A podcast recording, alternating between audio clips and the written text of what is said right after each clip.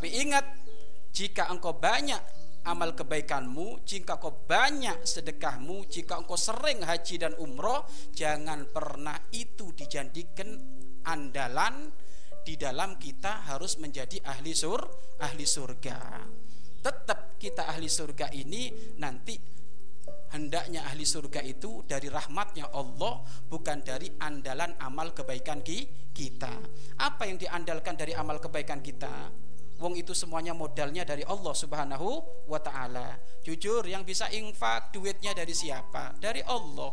Yang bisa bangun malam tenaganya dari siapa? Dari Allah. Yang bisa hadir majelis rutin istiqomah, kakinya nggak ada asam uratnya, yang ngasih kesehatan siapa? Allah. Lu ternyata semuanya modalnya Allah semuanya. Lu kalau modalnya semuanya adalah Allah, kenapa itu harus menjadikan kebanggaan? Wong itu modalnya semuanya dari Allah, dari Allah. Yang menjadi kebanggaan di dalam kehidupan kita itu kebergantungan kita kepada Allah, bukan kebergantungan kita dengan a, amal.